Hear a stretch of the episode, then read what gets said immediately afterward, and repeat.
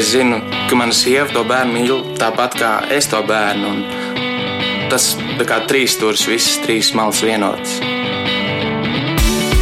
Skola un augšana, attiecības un sadzīve, fiziskā un emocionālā veselība.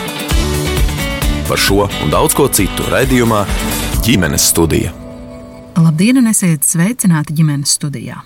Mani sauc Agnēs Linka, un šodien, kā piekdienās ierasts, dosimies viesos, šoreiz pie Reiteru ģimenes Rīgā. Pirms pusgada kļuvuši par mazās ziemas vecākiem, Zane un Pēters šķiet pašlaik dzīvo savā īpašā miera un laimes burbulī, un, protams, ir svaigu iespaidu pilni. Tomēr viņu ceļš līdz pirmā bērniņa ienākšanai ģimenē nav bijis ļoti raids un gluds. Šai sarunā viņa abi atklāti dalās arī par piedzīvotajiem zaudējumiem.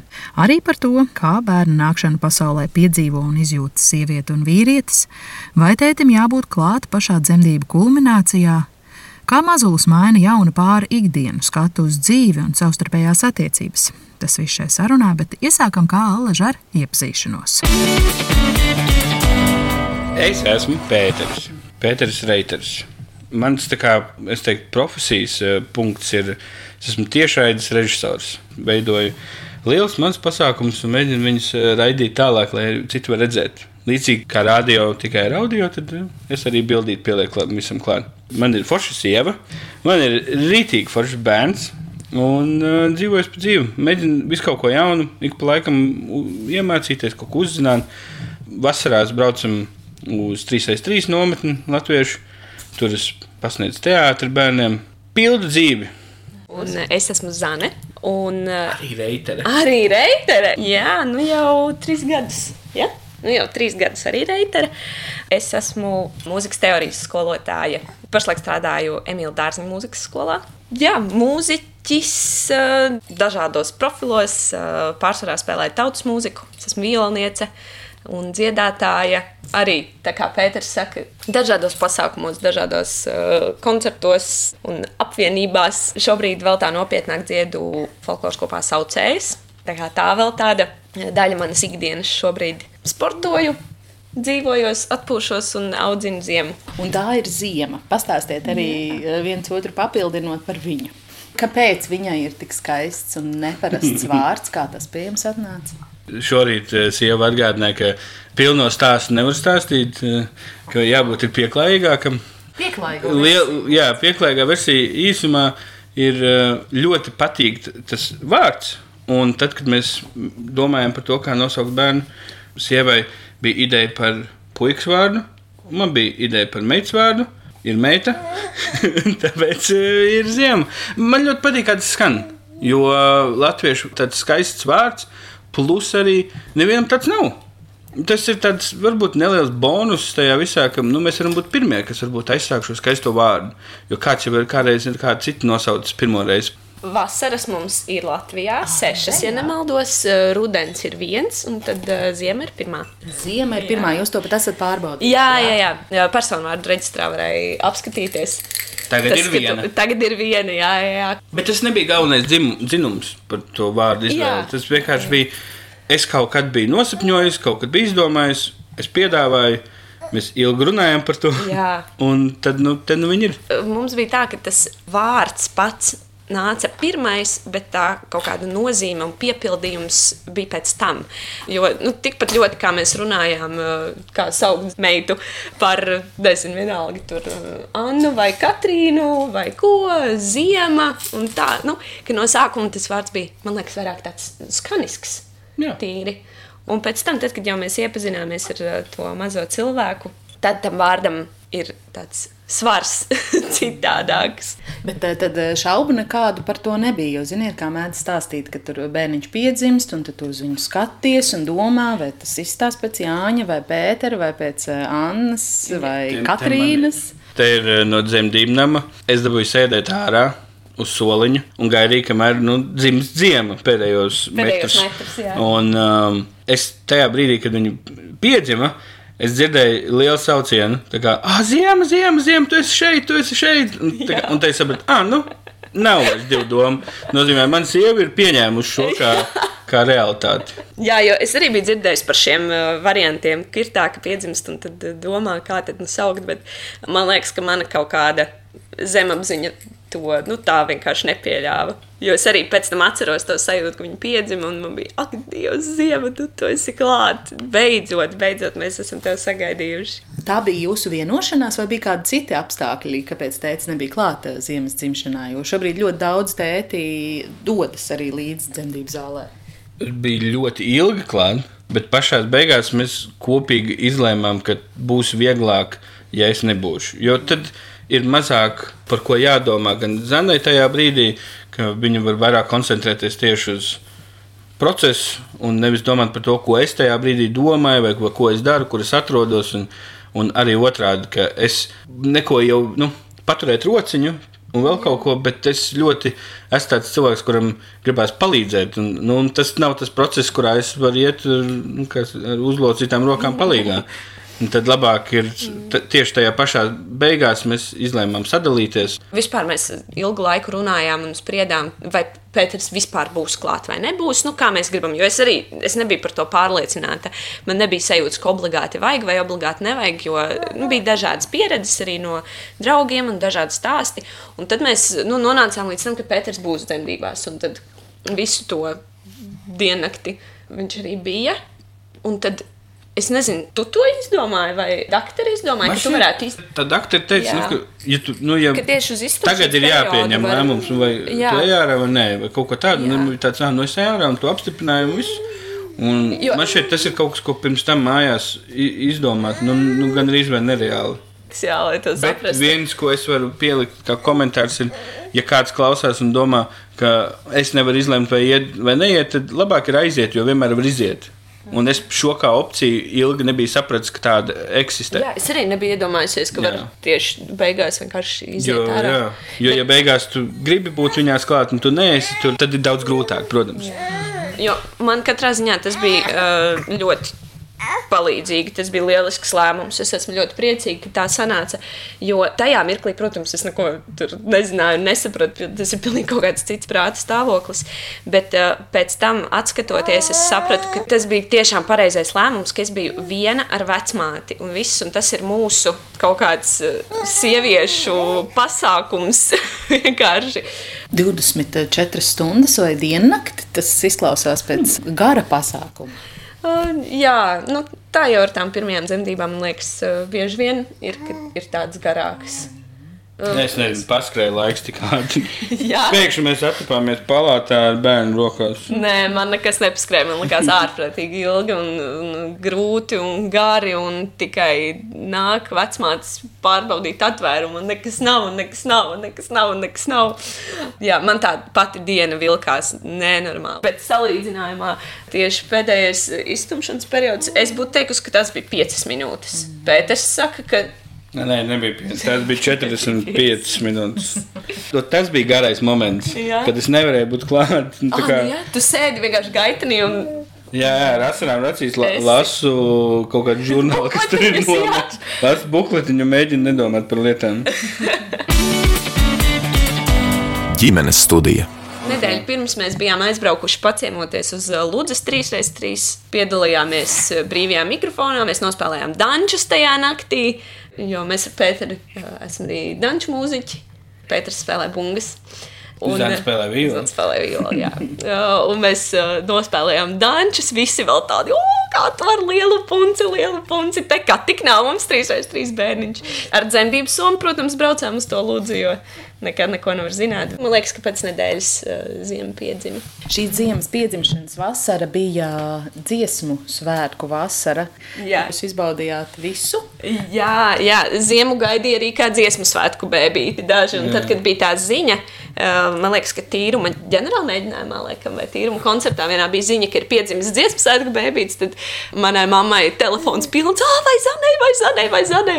Bet nē, ziema arī dziesmu svētkus noturējās pa visiem pasākumiem. Un, nu, man salīdzinoši tas otrais un trešais trimestris bija tik brīnišķīgs. Es tik labi jutos, man bija tik forši un, un labi un ērti. Un, Un tu Nu, nesēdēji visādā ziņā. Jā, ziema mani. kompensēja par pirmo trimestri. Jā, jā, jā, jā. Ziema mani uh, ļoti lutināja un ļāva vienkārši visu, ko man gribējās, visu es varēju darīt. Un tā skaitā arī dziesmu svētkus, jā, ar daudziem koncertiem. Mēs ar saucējām dziedājām noslēguma koncertā solo dziesmu. Tā kā tas arī bija tāds ļoti liels notikums manā dzīvē. Un ka es jau to varēju izbaudīt ar punci, ar ziemu. Tas vienkārši kolosāli. Jo mana māma arī dziedāja dziesmu svētkos ar mani punci. Tas man likās ļoti forši. Tāda tradīcija Jā, vai ne? pārmantojamība. Nu, kā tradīcija jau arī ir abi, abām piedzimt vienā un tajā pašā pulksteņa laikā. Jā, 13 pāri pusnaktī. Ziema piedzima, un es Jā. piedzimu 13 pāri pusnaktī. Un svars arī mums bija vienāds ar ziemu. Gan jau kaut kas no manis arī ir. Nu, smaidiņš saka, Ir, ir, ir. cilvēks saka, ka tavi vaipsti. Viņa, kad pēda, viņai ir tāds pats smaids kā man, kad es pēdu. Kāda tad jūsu meita ir šobrīd pusgada vecumā? Ko jūs varat spriest par viņu kā personību? Varētu vairāk gulēt. Daudz ēd. Nu, bieži. Es nezinu, vai daudz, bieži viņa ēd. Un uh, ik Jā, pa, ik pa brīdi, jā, un ik pa brīdi mūs pārsteidz ar jauniem trikiem, ko viņi man šeit iemācās pa nakti, kamēr mēs guļam. Un tad no rīta, nu, skatieties, tagad es māku šādi. Nu, kaut kā tas, kā viņi tur cēlās vienā brīdī, tad, Jā. tad viņi sāk jau tagad šļūkāties uz priekšu, uz atpakaļ. Man ļoti patīk tas, ka viņi izrāda interesi. Man liekas, ka mazi bērni ļoti bieži ir ļoti garlaikoti, un, un viņiem ātri pazūd kaut kāda tā uzmanība, tas, ko es arī lasīju. Bet ziema kaut kā parāda to, ka viņi spēj vēl ekstra paspēlēties ar mantiņu, kārtīgi viņi izprot. Un Mums ir viena tā, tāds riņķītis, kur ir pavelk, tad viņš bišķi vibrē. Jā. Viņa tik ilgi spēlējās, ka viņa atklāja, ka to riņķīti var pavilkt. Un tad viņš sāka vibrēt un pārsteidzoši. Un tādi momenti ļoti bieži ikdienā, ka man vienkārši sanāk kādreiz uh, darbā pavadīt ilgāku laiku. un tad Ir tie momenti, kad liekas, ka oh, es nepavadu tik daudz laika ar bērnu, un tad es atnāku mājās, un tad es pavadu laiku ar bērnu, un tad viņi man ļoti daudz pārsteidz. Un Tas tas, uh, man šķiet, svarīgākais man, kā tētim tieši, jo tad es jūtos, ka es esmu daļa no viņas attīstības. Nevis, ka es varbūt inscenēju to, ka viņa sāk rāpot. Es viņu varbūt nelieku katru dienu un neturu, lai viņa sāk rāpot, bet tas, ka viņa to dara un, un es to spēju piedzīvot kopā ar viņu, nevis būt tikai kā informācijas tāds punkts, ka tā, tava meita rāpo, ah, nu labi, forši. Tiekamies nākamā nedēļa. Ka man tiešām katru dienu sanāk ar viņu pavadīt un kaut ko jaunu iegūt. Un, ja mēs iedomājamies, ka vēl paudzi vai divas iepriekš ļoti daudz tēta lielākā daļa bija tajā pozīcijā, tad, kad sāks staigāt un runāt, tad mēs uh, padzīvosimies, uzspēlēsim futbolu vai kaut ko padarīsim kopā. Nu, man šķiet, ka ļoti liels uh, ieguvums ir tie divi mēneši tētiem. Tie, jaunais, uh, jā, tas jaunais, ļoti labi, Jā, jā. jo mēs tieši paspējām, tas no 23. gada. Kad uh, tētiem arī ir obligāti divi mēneši jāpavada ar bērniņu. Es zinu, ka citi to var laikam līdz trim vai līdz astoņu gadu vecumam izņemt. Nu, var arī vēlāk, bet uh, nu, mūsu ģimenē tas bija, tas bija tiešām brīnišķīgi, ka Pēters varēja no ziemas piedzimšanas divus mēnešus Vienkārši būt mājās, būt ar mums, iet ārā, pastaigāties, eh, piedzīvot nu, tik brīnišķīgi to jauno pasauli. Tad jūs to izmantojāt uzreiz jau pēc mazuļa piedzimšanas. jā. Uzreiz, jā. Un es arī piekrītu, ka tā bija ļoti, nu, tāda, tā kā, nu, es neteiktu pareizi, es negribu ielikt tā kā to domu citu cilvēku galvās, ka mums ar tā jādara, bet es mm. no savas pieredzes teiktu, ka man tas li- likās pareizi, ka pirmos divus mēnešus es varu piedzīvot to pašu, ko piedzīvo Zana. Un tad mēs varējām uz mājām būt, Zanē vēl kaut kas slikti palika, un tad es varēju par bērnu rūpēties. Plus vēl mēs sadalījāmies. Es biju naktsmaiņas, Zana bija pa dienu. Un tad tavs pirmos divus mēnešus arī bija ļoti nu, daudz vieglāk. Es pieņemu arī Zanē, jo pa nakti tad es varēju pieskatīt bērnu. Viņa kā cēlās, es varēju aiznest, pielikt pie Zanas krūtis, pēc tam atkal ielikt gultā. Un tad uh, Zana varēja vairāk atgūties pēc dzemdībām. Jo, protams, tas laiks ir nu, ļoti izdevīgs arī varbūt vēlāk, vai kā izmantot. Bet uh, man šie tie pirmie tieši mēneši, kad Zana ir padarījusi šo milzīgo darbu, un viņa arī iegūst ne- nelielu atpūtu vismaz kaut kādās naktīs, ka viņai nav vienai tas jādara. Ko, protams, ir spēcīgs sievietes, viņas spēj visu, bet ir forši, ja vīrs var arī spēt parūpēties nedaudz par sievu, ne tikai par bērnu. Sabiedrībā šim īstenībā nav tāds ļoti vienots eh, atbalsts. Diskusijas ne, nerimst. Daudz ģimenes ir neapmierināts, ka viņiem tiek eh, uzspiesta šī nenododamā bērnu kopšanas atvaļinājuma daļa, šie divi mēneši, ka tie ir vai nu jāizmanto tētim, vai nu jāzaudē. Nu jā, laikam ir tā, ka katra lieta, kas tiek uzspiesta kā obligāta, rada kaut kādu backfire. Jā, nu, tur, tur, Jā. tā, es pieņemu, ka tas sāpīgais tajā visā ir nu, varbūt tā nauda, vai kas tur kaut kāda procenta tikai atnāk. un tā.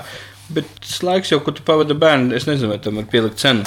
Katrā gadījumā. ziņā es priecājos, ka mums bija šāda iespēja. Jā. Mēs izmantojam šo iespēju, un mēs esam ļoti, ļoti priecīgi, ka Jā. bija tāds laiks. Un mums ir vēl plāns sadalīt vēl bērnu kopšanas atvaļinājumu, to garo. Nu, sanāks, un varbūt, ka Zana sāks ātrāk uh, atpakaļ iet skolā strādāt, un tad es atkal varēšu paņemt brīvu un parūpēties par bērnu. Tā kā, nu, ļoti forši, ka ir opcijas. Jā, mēs cenšamies uz to tā pārāk neiespringt. Dzīvosim, redzēsim, skatīsimies. Jo, piemēram, būsim godīgi, mēs šobrīd nevaram pat iztēloties, kāda būs dzīve, kad ziemai būs viens gads. Mēs zinām, kā būs šodien. Mēs varam puslīdz izplānot, saprast, kāda būs rītdiena, varbūt nedēļu uz priekšu, bet tālāk tas taču ir pilnīgi kaut kāda nezināma zona mums. Jā, mēs paņēmām to lielo, ilgoto atvaļinājumu. Man šobrīd. Un tad skatīsimies, ja gribēsies kaut ko pamainīt. Tad mm, VSA konsultants brīnišķīgs pa telefonu. No mājaslapā neko nesapratām. Jā, no jā. bukletiem neko nesapratām, bet uh, zvanījām konsultantiem. Viņas fantastiski visu izstāstīja. Un Galvenais, ko mēs dzirdējām, bija, ka var pamainīt. Tas ļoti forši. Ah, vēl par ziemu gribēju izstāstīt, ka mēs jau no paša sākuma sapratām, ka viņa mums ir pievienojusies mūsu dzīvei. Nevis, ka tagad mūsu dzīves ir uh, tikai par un ap viņu, bet ka viņa ir ienākusi mūsu ģimenē.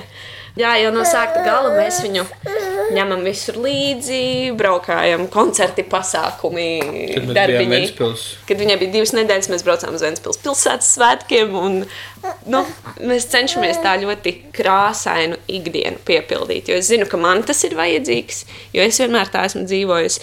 Man ir ļoti grūti iztēloties, ka es sēdētu mājās, tāpēc ka man ir bērniņš. Nu, ir kaut kādi apstākļi, kas var tā likt, um, bet uh, man ir milzīgs prieks, ka mēs ejam uz mēģinājumiem kopā.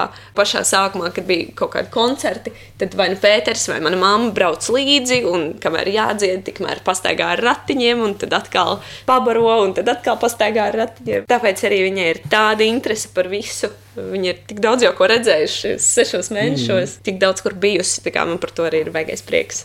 Bet tas nozīmē, ka viņa tad ir eh, tāds bērniņš, kas arī ļaujas Jā. Jā. šim visam, jo bērniem ir Jā. eh, ļoti dažādi. Nepietiek tikai cieši nolemt, ka mēs visur iesim un visu darīsim, vajag lai arī bērniņš to Jā, ļauj. jā, tā es saprotu. Ir draugi, kuriem tiešām ir vienkārši dzīve piespieduši šo te vairāk mājās sēdēšanu vai nu, tādu mierīgāku dzīvi. Bet ziema mums tiešām ļoti lutina visādā ziņā un, un ļauj. Autobeņķis patīk, rati patīk, uh, skaļa mūzika patīk, Citi vis- bērni citi patīk. bērni patīk, citi pieaugušie par rokām patīk. Tā kā Tiešām mums ir ļoti paveicies, ka tas mūsu dzīvesveids sakrīt ar uh, ziemas vēlmēm. Tad var viņu raksturot kā diezgan sabiedrisku jaunu dāmu. Jā, jā. Un piebilstot vēl, ko Zana teica, Ziema daudz ko neizmainīja mūsu dzīvēm, tā ka pēkšņi piedzima ziema, un tagad, ok, mēs tagad dzīvosim šādu kaut kādu dzīvi. Bet kaut kādas lietas tomēr pamainījās. Jo, protams, tā kā man jāstrādā, es aizēju uz darbu, bet kurš tad paliek ar bērnu? Nu, Zana. Tad sanāk, ka Zanas tas uzdevums dienā ir parūpēties par bērnu. Bet tas jau nenozīmē, ka tas ir vienmēr un visu laiku. Un tad man ļoti patīk, ka mēs spējam sadalīt tos laikus. Nu, ja es nestrādāju, vai ir kaut kāds brīvāks brīdis, tad es varu paņemt bērnu, un tad Zana var padarīt citas lietas un padzīvoties, ko viņa grib darīt. Kaut kā aiziet uz treniņiem. Jā. Jā. Sportiņiem visādiem. Nu, man liekas, šajā ziņā jau Pēters arī ir ļoti fantastisks tētis. Tāpēc redzi, ka tiešām tas, kā Pēters pats grib būt kopā ar ziemu, nu, ka tas pat nav tā, ka viņš atnāk no darba mājās un nu, tagad es stundu pieskatīšu bērnu, lai tu varētu to vai šo, bet ka viņš atnāk no darba mājās un viņš var pavadīt laiku ar savu meitu. Tas ir, man liekas, arī Ja baigā būs laika. reāli futbols, nespēlēšu ar viņu. Nu, šobrīd vēl nē. Tu varēsi to darīt. Bet ir lietas, ko es nevaru sagaidīt. Ļoti gribās parunāt ar to bērnu, bet es saprotu, ko tu gribi. Jo šobrīd viss ir vā, vā, vā, vā, vā. Un tad nu, tu nes visu. Nāc, mantu, padzerties, maini pamperu, liec gulēt, neliec gulēt, tur rokās. Viena no tām lietām strādā. Jā, Tad es nevaru sagaidīt, kad viņi varēs pateikt, ko viņi grib.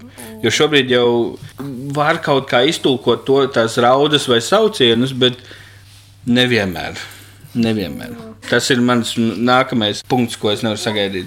Dažkārt saka, ka mammas iemācās atpazīt raudas un saucienus. Es zinu, ka Pēters šajā lietā ir uh, daudz avansētāks, man liekas, tāpēc, ka uh, Pēters mūsu ģimenē lasa Punkts. dažādus. nē, nē, nē.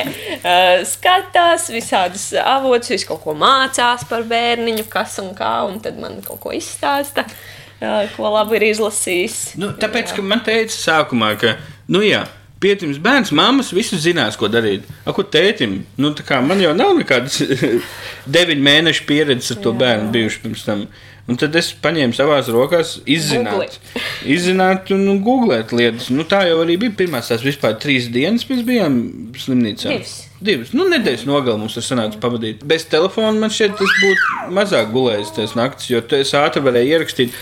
Vai bērns var darīt šo vai to? Nu, angliski. Un tā mums pirmajam nav bērns pasaulē. Mm. Ir 101 ideja, un visur arī ir, protams, rakstīts ar sīko druku, ka tu pats pieņem lēmumu, bet šis ir uz ko mēs tev varētu virzīt. ka Varbūt šādu vajadzētu darīt, vai šādu. Kamēr Zana ar bērnu mēģina saprast, ko viņai vajag darīt, tikmēr es ātri lasu internetā. Tā kā, ok, varētu šitā, varētu tā. Un tad es piedāvāju, mēs ar Zanu izlemjam. Zana arī dažreiz saka, nē, mans mācības instinkts saka šādi. Nu labi, tad darām tā. Bet mēs zinām, ka ir vēl opcijas. Man liekas, es pārsvarā uzticos uh, šiem taviem Jā, jā.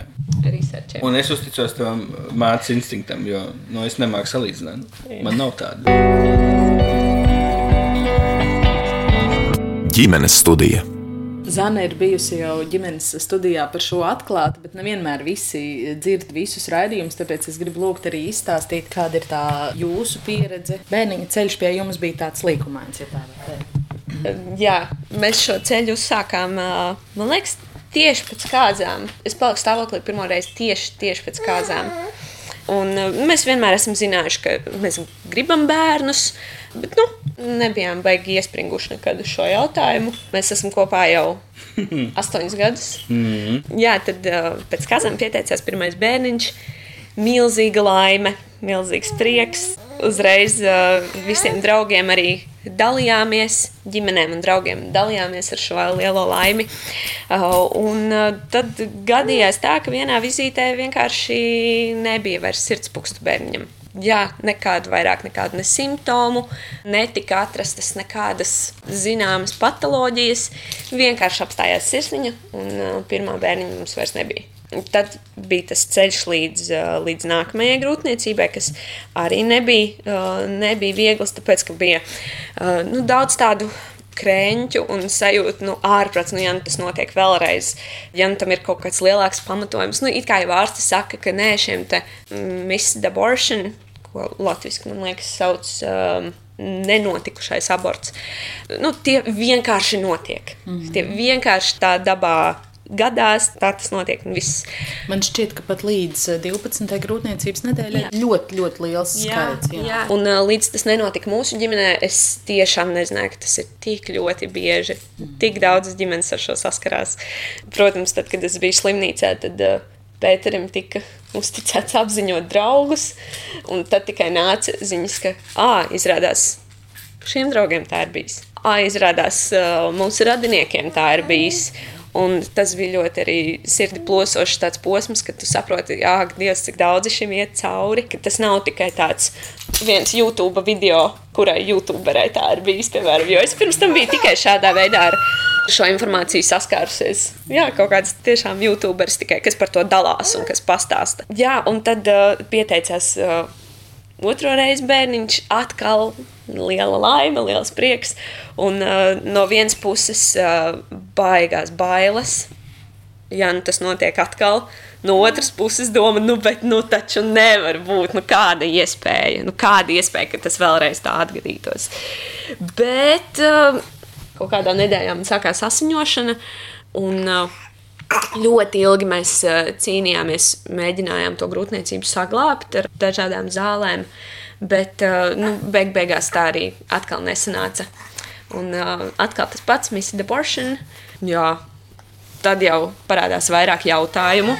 Kā tas var būt, ka divas reizes divas reizes tas pats, bet nu, tomēr mēs ar ārstu vienojāmies, ka neiesim dziļāk šajā tēmā, ka mēs uh, vēl netaisīsim nekādas lielas pārbaudas vai analīzes. Vienkārši mēģināsim vēlreiz. Un tad nu, vēl pēc laika atkal tikām pie trešās grūtniecības, un uh, te nu ir ziema. mm. Jā, trešajā grūtniecībā pirmais trimestris bija ļoti sarežģīts. Man bija smaga toksikoze, es biju slimības lapas, es biju slimnīcā.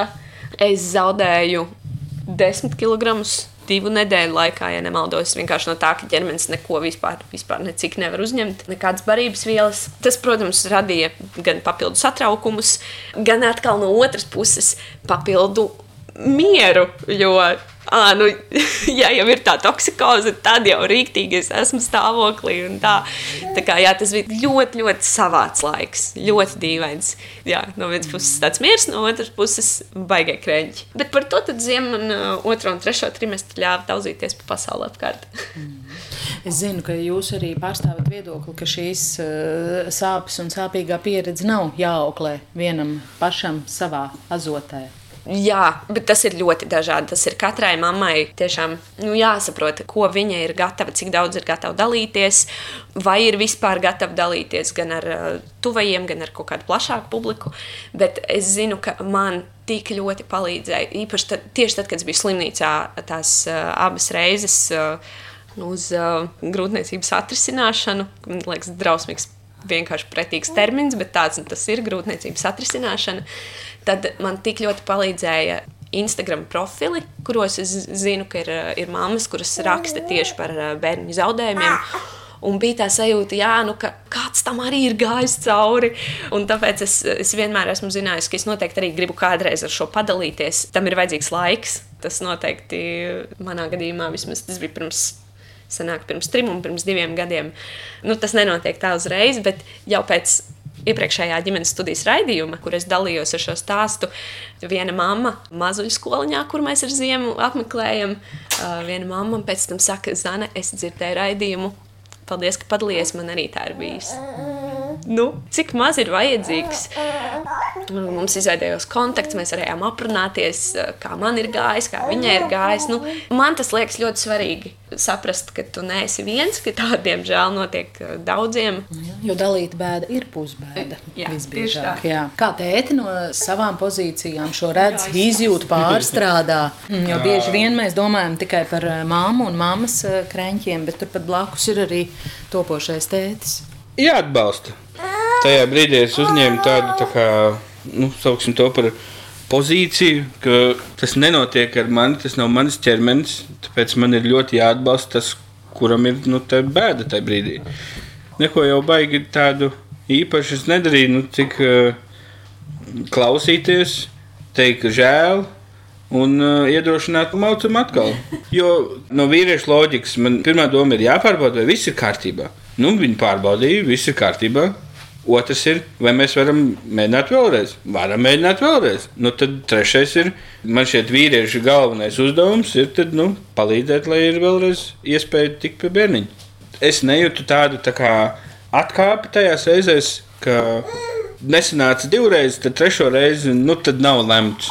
Nu, nē, nu, ļoti palīdzēja dzirdēt no draugiem, vispār no cilvēkiem, ka nu, tā gadās. Jo tas arī vieglāk ļauj sadzīvot ar to informāciju, nu, ka tā ir. Un tad mēģināt atrast šos punktus, ko darīt tālāk. Vīrieši Jā. arī dalās ar šo informāciju savstarpēji. Baigi nē, man varbūt ir bijusi vienreiz saruna ar kādu par šo. Vīrieši ir savādāk uh, uzbūvēts galvā, un varbūt tas nav tas galvenais, uh, ar ko mēģināt atrast kontaktu ar citu vīrieti. Varam parunāt par uh, jaunāko tehnoloģiju un par to, ka kaut kas cits pasaulē notiek interesants. Jo ļoti bieži mēs nenonākam pie tāda jautājuma, klausies, ar kuru reizi tev sanāca ziema. Nu, Man arī jau no paša sākuma bija tāda sajūta, ka Pēters to visu tvēra kaut kā citādāk. No sākuma es to nemācīju noformulēt, bet nu, vienkārši citādāk. Man bija pilnīgi sabrukusi pasaule visādā ziņā. Tad Pēterim tas bija vairāk fakts, tā ir. Un tad mēs kaut ko darām tālāk ar šo faktu. Nu, kas nav slikti, tas ir vienkārši citādāk. Bet eh, es atceros arī, ka jau no paša sākuma, jau pirmo reizi, kad es jūtu to, ka Pēters kaut kā citādāk pret to izturās, es oh, sapratu, ka es viņu negribu satikt slimnīcā. Arī otrajā reizē tev bija jāatnāk pēc mašīnas atslēgām, jo man bija lejā gaisa. Un es sapratu, nē, nē, es tagad Pēteri vispār tīri fiziski negribu, nevaru redzēt, lai man nebūtu kaut kādas vēl vairāk emocijas. Man vajadzēja pabūt ar sevi, ar eh, citām meitenēm nodaļā, kurām visām tāpat ir bijis. Es no sākuma jutos pavisam dīvaini. Man taču vajadzētu gribēt, nezinu, samīļot, sabučot vīru, vai ne? Man vajadzētu gribēt kaut kādu atbalstu no viņa tieši. Bet, uh, bet man bija tā sajūta, ka nē, man, nu, man vajag pabūt vienai vai ar citām meitenēm kopā. Man ir mana tava rokā. Mēs tiekamies ģimenes studijā. Šodien ģimenes studijā tiekamies ar Zani un Pēteri Reiteriem, kuri pagājušajā vasarā kļuvuši par mazās ziemas māmu un tēti, un šobrīd iepazīst šo savu jauno lomu, izdzīvo sajūtas un krāja pieredzi, kā tas ir būt vecākiem. Kāda tagad ir jūsu ikdiena, dien dienā ar eh, ziemu? Kā es sakāt? ceļos pirms ceļās bērns un mamma. Es tikmēr uh, apdaru mājas darbus, kas ir sakrājušies. Kaut kādas trauks jāieliek trauku mašīnā, vai trēpes jāieliek mazgāties, vai jāizņem ārā. Tikmēr es vēl paspēju kaut kādu seriālu paskatīties, vai ko. Pats sēties vienatnē, tad ceļās ziema, tad es ļauju Zanai pagulēt vēl stundiņu. Tikmēr mēs ar ziemu nomainām pamperu no rīta. nodziedat rīta Mēs nodziedam rītu dziesmu, tad viņi spēlējās, tad ceļās mamma. Nu Jā, tas es Tad- tev uzreiz pārtraukšu. Tas ir vienkārši svētīgi, ko Pēters dara. Ka, ka Jā. no rīta pēc tās nu, reizēm uh, vieglākas naktis, reizēm grūtākas, ka viņš var paņemt ziemu prom. Un es varu vienkārši aiztaisīt durvis bez tās apziņas, ka man kaut kur blakus ir bērns, ka man tuliņ var vajadzēt reaģēt uz kaut ko. Mm. Ka vienkārši es tagad guļu vienalga vai pusstundu, vai stundu, vai 20 minūtes, bet viss es esmu tagad viena un man nav jārūpēs par bērnu tajā mirklī. Tas ir Jā. brīnišķīgi.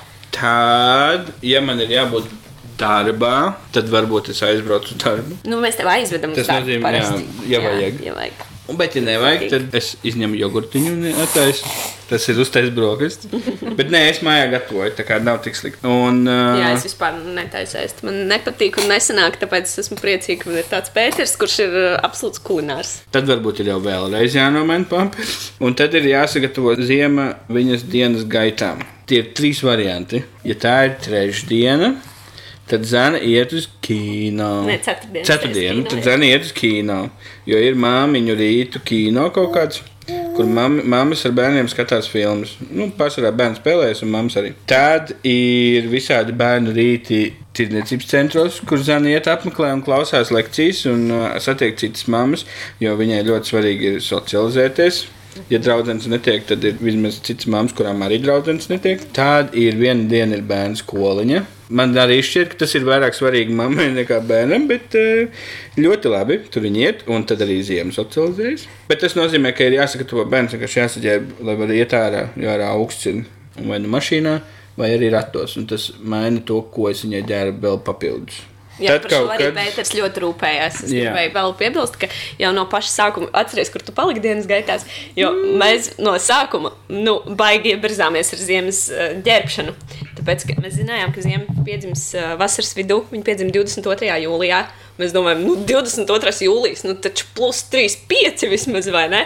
Un uh, mēs bijām sagādājuši, nu, principā tikai bodijus ar īsām rokām, īsām kājām. Nē, nekādi citi nebija, jo mēs domājām, nu, kā man ir taču vasara. Un uh, tad, kad ziema piedzima, tad bija pilnīgs rudens ārā. Katru dienu lija, bija vēsi, bija pelēki. Mēs kaut kā tā nebijām piefiksējuši, ka bērnam vajadzētu pišķirt tādas piesākas drēbes, varbūt nekā mums gribētos. Bet mums bija daudz draugi, Jā, un, kuri iedeva. kur iedeva vai kuri uh, aizved tevi uz veikalu, nopirkt. Man patīk, ka divi džeki brauc pirkt 58 izmēra tagad drēvītes. Kāpēc es šo stāstu? Tajā mirklī arī Pēters pilnībā pārņem vadību, apzvana draugus, paprasa, kas jāvelk bērnam mugurā, apskatās internetā, kas un kā jāvelk bērnam mugurā, norganizē, ka bērnam ir ko uzvilkt mugurā un vēl saģērbt to bērnu. Par to es ļoti priecājos. Tiešām tā te? tehniski viss vienkārši Pēters izdara. Man nav par to jārūpējas. Izklausās pēc tēta dienas raidījuma. Super! Tā, kur tu paliki? Tad, kad bērns ir saģērbts, tad ir bijis jāpatusējas ar bērnu, jo tikmēr mamma ģērbjās. Un tad viņas iet prom. Un tad ir miers mājā. Tad es varu pastrādāt, ja man pie datora kaut kas jāstrādā, vai es varu atpūsties, kaut kādas citas lietas padarīt. Un tad viņas ir atpakaļ mājās. Un ir jāiet pusdienas. Ziemē ir tagad jāiet burkāns, tā kā ir jābūt izvārītam burkānam un ir jāuztaisīt ēst kaut kas tāds, ko arī zana var ēst. Viņas pēd un tad tālāk tusējās. Dienas vidus parasti ir nomainīt pamperu un parūpēties, ka bērns ir izklaidēts. Vismaz, lai viņam nav super garlaicīgi. Un kaut kad jāpaguļ vēl. Un tad vakarā ir, nu, ja bērns smird, tad ir duša vai vāna. Bet, ja nesmird, tad jāmēģina nomierināt, jāparāda to, ka mēs drīz ejam gulēt, un tad zana liek gulēt. Mēs mēģinām vairāk zanu to procesu izdarīt, bet ir vakar, kuros ziema vispār neklausa, un tad es eju likt gulēt. Un tad zana prasa, kā jums gāja? Ar grūtībām. Grūtība. Bet bērns guļ. Un tad nāk naktis mierīgākas vai mazāk mierīgas. Jā, nu dažādi. No sākuma pirmos mēnešus viņi vienkārši gulēja tā kā susurs, un, uh, un es varēju pilnībā izgulēties. Tad nu, jau ir tā, ka ir dažādi. Bet tas ir normāli, tas viss ir pārējoši, ko man Pēters bieži atgādina. ģimenes studija. Es nevaru neizmantot izdevību, tik svaigi jaunis ar tiem jaunajiem vecākiem, nepajautāt, kā mainās pārattiecības pēc pirmā bērna ienākšanas eh, ģimenē. Vai jūs jau to esat apjautuši? Kungs mainās. Nu, Es zinu, to, ka man jau patīk zina pirms tam. Cerāk, mēs nebūtu tik tālu tikuši. Ne? jā. Mīlestība paliek tikai vairāk. Jā. Ko es jau no paša sākuma sapratu un uh, stāstīju draugiem, kas man ir uzdevuši līdzīgu jautājumu, ka es pilnībā iemīlējos no jauna Pēterī. Man bija tāda sajūta, ka mums būtu vismaz 16, un mēs būtu kaut kādi jaunieši, kuri iepazīst viens otru no jauna, iepazīst ar kaut kādām vēl jaunām kvalitātēm, jauniem pienākumiem. Pēc astoņu gadu kopā būšanas. Jā, jā. Nu, nav tā, ka mēs varam viens otram izstāstīt jaunus stāstus eh, no, no mūsu pagātnes, bet tāpēc mēs vairāk skatāmies uz nākotnes lietām. Krīze, praktiski izaicinājumi tieši pāru attiecībās nesat iz, Mums- izjutuši. Mums paskrēja garām. To mēs paspējām pirms kāzām. Kārtīgi. Jā, Pirmos divus gadus, trīs, kad es biju vēl uh, nenobriedis un uh, skraidīju pa pasauli apkārt. Tā jau vairs nav. Tas jau bija tīri loģistiski grūtāk, jā, ka Pēters trīs mēnešus Serbijā pastrādāja, trīs mēnešus Bosnijā un Hercegovinā pastrādāja. Nu, tas bija tāds laiks, jā, kad bija grūtāk. Jā. Bet vispār mēs ā, mūsu pirmajā randiņā sarunājām, ja mēs pēc pieciem gadiem esam kopā, tad mēs precamies. Nu, tā vienkārši sarunājām. Pus pa jokam, pus nopietni. Un ko domājies tieši piecus gadus vēlāk, tajā pašā datumā gandrīz apprecējāmies. Kā Džeks teica, tā Jā, vai ne? Nedrīkst jau. Jā. Vīrs un vārds, tā. Vīrs un- O, o, vīrs tā, un vārds, jā. Teiksim, Jā. vīrs un vārds, jā. Mēs iepazināmies 3x3 pirms desmit gadiem. Ieraudzīja. Ie, ieraudzījāmies, jā, tā varētu to saukt. Jo Es tieši domāju, vai kaut jā. kas no šīs latviskās tradīcijas ir jūsu savedis kopā. Jā, jā, jā. 3x3 un folklora. Iepazināmies, jā, tas tā ļoti nosacīti, jo es biju ļoti sīka. Pēters bija lielais puisis. Pēters ir 5 gadus vecāks par mani. Un tad, kad mēs iepazināmies, tad man sanāk, bija 14, 15 gadi. Pagaidiet, pirms man atsūta likumīga policija, ja ciemos. Iepazināmies, nozīmē. Zana ieraudzīja, ka eksistē Pēteris. Jā, jā, bijām vienā pasākumā kopā. Sauksim Jā. to tā. Jā. Tad vēlāk, jā, sagājām kopā tā pavisam. Pavisam vienkārši, man liekas. Dabiski. Jā, vienkārši pēkšņi bijām kopā un, viss, un sarunājām. Pracamies pēc pieciem gadiem, pracamies pēc pieciem gadiem. Man liekas, mums visas tādas lielas dzīves lietas tā ļoti viegli nāk. Jā. Precamies, precamies.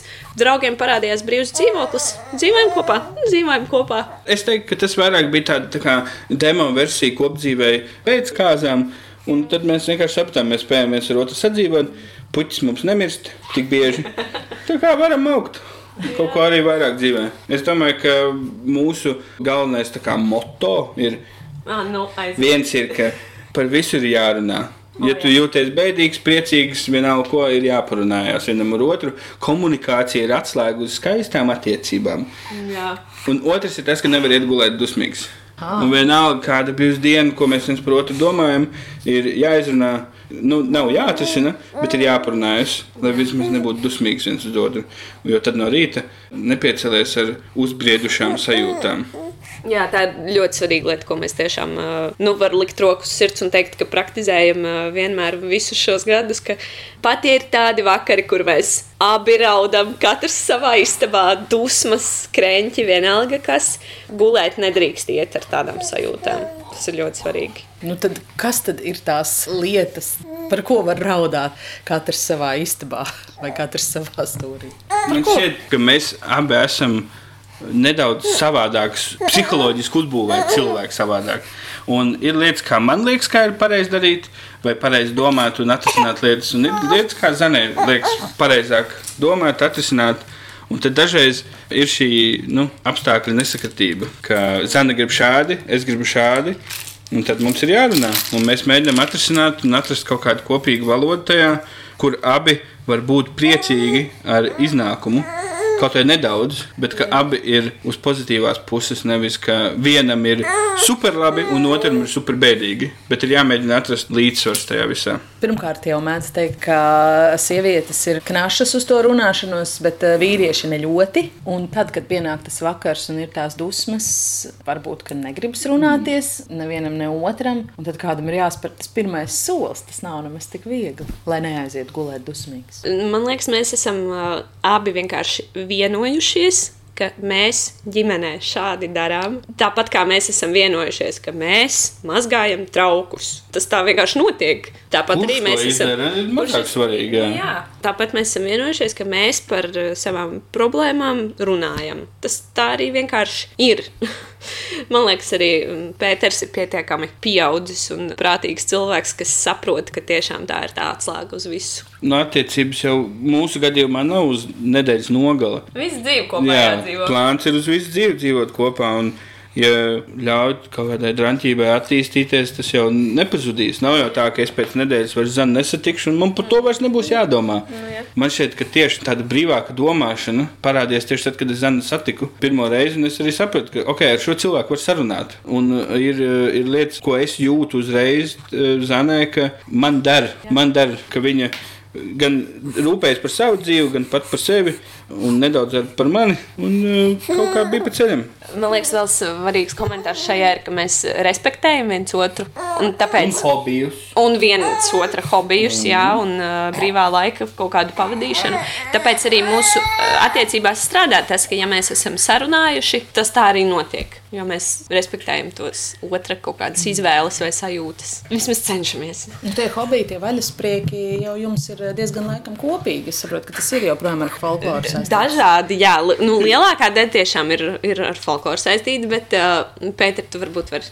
Viņai, piemēram, patīk mūzika un teātris. Nu, man nepatīk teātris, bet uh, pēdējā laikā tā mazāk. Un tad Zana bieži uzdod jautājumu, ko tu iesi ar manis teātrī vai iesi uz koncertu. Un tad viņai jāmeklē, vai nu ar mammu aiziet, vai ar kādu draugu, vai ne, negribas iet. Sports. Es Un daudz sportoju. lietas, jā. Tās tās lietas, kur mums, piemēram, nav pa ceļam. Un manā gadījumā tas ir uh, kibersports. Tas ir uh, datorspēles, kuras es arī veidoju tiešraides un turnīrus un kāstoju to. Es esmu komentētājs turnīriem. Tā ir arī pilnīgi sveša pasaule Zanē, bet viņi to gadiem ejot saprot un atbalsta un lepojas. Plus, vēl, kad es atnesu naudu mājās, no tiem pasākumiem ir vēl foršāk. Šis tiešām ir uh, bijis tāda ļoti liela tēma mūsu attiecībās, ar ko sākumā man bija šausmīgi grūti. Nu, labi, nu, daudz spēlēt datorspēles, jā. bet uh, tad, kad es sapratu, kādā līmenī un uh, kādā apjomā Pēters to dara, tad pirmos gadus man bija tiešām ļoti grūti ar to sadzīvot, jo es nekad dzīvē neesmu spēlējusi nu, tādas datorspēles. Nu, īpaši tas, ka no sākuma es uh, to visu, ko Pēters darīja, redzēju, ka vienkārši skraida un šaudās. Tas bija tas, kā es to sapratu kaut kur skrien, brauc, kaut ko šauj. Man bija ļoti grūti ieiet tajā viņa pasaulē un saprast, kāpēc viņš spēlē šīs video spēles. Tas bija pavisam, pavisam grūti. Bet ar laiku es sapratu, ka viņš to tiešām nu, jau dara profesionālā līmenī. Ka viņš, kā jau teica, komentē turnīrus un vada turnīrus un organizē turnīrus. Un tas ir tiešām kā sports, tas ir darbs, arī blakus darbiņš, ko viņš dara. Un es esmu iemācījusies to novērtēt. Nu, jau tiešām es lepojos ar to, ko Pēters dara. Es uh, šēroju Facebook un uh, atbalstu. Bet nu, līdz tam bija jānonāk. Jo man bija ļoti grūti saprast to, ka Pēters var desmit stundas nosēdēt pie datora un spēlēt spēli, kas manā galvā ir vienkārši sēdēt pie datora. Tas bija ļoti sarežģīti ģimenes studija. Vai jūsu uzvārds Reiteru ģimene, vai jūs esat saistīti ar Līgu Reiteri? jā, jā, tad man mamma. Es neizklausos tik ļoti pēc uh, viņas, jo Daugaupilī es mācījos par aktieri, un man ļoti ātri mans režisors izskauda Ventspils dialektu pilnībā. Un, jā, un tas bija uh, apmēram divu gadu garumā. Es pats to pēc tam jūtu, ka es atbraucu atpakaļ uz Vēnspili kaut kādā nu, ciemos vai ko. Un pēkšņi viss tik dīvaini runā. Es biju atradzis no tā. Bet jā, tā ir mana mamma. Jā. Ļoti foršs cilvēks. Ar enerģiju, es nezinu, kur viņi dabū tik daudz, bet uh, es esmu ļoti priecīgs, ka viņai tāda ir. Nu jā, jo Līga Reiteri ļoti daudz Latvijā pazīst kā zāļu sievu, kā stāstniecies. Esmu lasījusi, ka par viņu izsakās kā par maģisku, ļoti iedvesmojošu personību. Un izrādās tā ir uh, ziemas uh, omīte vai vecmāmiņa. Ja? Vecmāmiņa. Omelīga. Omelīga. Vecmāmiņas parasti dažādi lemj, kā viņas drīkst saukt. Nē, mēs vispār pārsvarā saucam uh, mūsu mammas vārdos. Jā. Mana mamma Baiba un Pētera mamma Līga. Mēs skatāmies uz uh, savām mamām citādāk, tad, kad paši kļūstam par vecākiem. Jā. Es ļoti novērtēju, ko mamma ir izdarījusi, jo viņa izaudzināja gan mani, gan māsu, vienu pati, un vēl izdomāja, ko darīt dzīvē, un vēl ir visu, ko pamēģinājusi, visu kaut kur bijusi man nav tik liela pieredze. Vēl. Man ir seši mēneši bērniņš rokās. Es nespēju iedomāties, kā ir tad, kad tas ir jādara vēl piecus gadus. Vai vēl 18, vēl 20. Jā, un vēl divus. Tiešām kaut kas ļoti liels, ko viņi ir izdarījuši dzīvē. Es nezinu, kā viņi par to pati domā. Mēs beigās neesam par to runājuši. Tā ir tāda tā kā mūsu ģimenes tēma, kura es to izdarīju jūs esat forši divi bērni. Punkts. Bet eh, nu, es jau arī tagad eh, ar bērnu nu, redzu un jūtu to, ka tas ir psiholoģiski grūti. Arī. Protams, mēs stāstām foršas lietas, un tā, bet bērns arī raud. Viņš arī slimo. Mēs, ne, jā, mēs nemēģinām izlikties, ka mēs esam kaut kādā ziņā savādāk. Mums arī bija temperatūra bērnam, viņa arī bļauj, kaut kas viņai kādreiz nepatīk naktīs. Un es iedomājos, ka mana mamma viena pati, divi bērni bļauj reizē. Jā. Grūti. Un tas ir laikam tas, uz ko atvērās vairāk acis. Un cik eh, daudz jūsu omītes ir pašas aktīvas vēl savā dzīvē, cik daudz no viņu enerģijas tiek jums kā ģimenei? Nu, mūsu mammas ir vienkārši, vienkārši super. Nu, ja par līgu jau gan jau, ka rādio arī pietiekami bieži kaut ko stāsta, ko viņi blandās pa pasauli apkārt, ko tik viņa nedara. Man viņai tagad es viņai vēl biļetes uz Japānu jā, nopirku jā, jā, vasarā. Jā. Tā kā varēsiet jaunu stāstu dzirdēt no viņas. Un mana mamma ir uh, dārziņa skolā mācību pārzina, viņai ir darba pilnas rokas. Tad viņa mācās kaligrāfiju, viņa mācās treniņiem. uz treniņiem, iet uz visādiem arī mēs sportojam daudz kopā. Un, Un viņa, ziemu ņem jā, ārā pastaigāties, kad mums ir grūtāk. Jā, tāpēc, ka viņi dzīvo tepat blakus. Pārēlē. Taktiski izvēlējāmies vietu, kur jā. dzīvot. Jā. Un savukārt Pēter mamma arī katru reizi, kad uh, atbrauc uz Rīgu, vienmēr piesakās, vai nevajag ziemiņu pieskatīt, lai mūs palaistu savā un arī, nu, manai mammai ir nedaudz uh, challenge, ar, nu. izteikt? Izaicinājums. Izaicinājums, jo mana māsa piedzemdēja savu ceturto bērnu nedēļu pēc manis. Pēc Zanas es atvainojos. jā.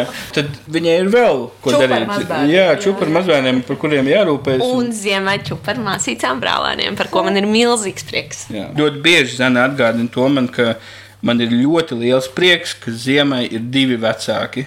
Un tas man šķiet ir ļoti svarīgi arī nu, mums pašiem, jo mēs dzīvē esam piedzīvojuši pavisam no abiem un sapratuši to, ka tieši arī pirms kāzām mēs par to runājam, ka tagad mums ir jāsaprot, mēs taisam ģimeni. Mēs apprecinamies, mums būs bērns, un, ja mēs to darām, tad abiem ir jābūt simtprocentīgi iekšā. Nevar būt tā, ka viens bišķiņš un otrs vairāk. Ir tā kā abiem jābūt komandā un, un, un jādara. Tu ļoti labi pateici to, ka mēs esam komanda. Mēs to arī esam nu, tā, vienojušies. Ka ar visām kaut kādām uh, dzīves problēmām esam mēs divi pret to kaut kādu problēmu vai krēķi. Nevis, ka mēs cenšamies izcīnīt kaut kādu savu taisnību vai savu patiesību, bet ka mēs kopā risinām lietas.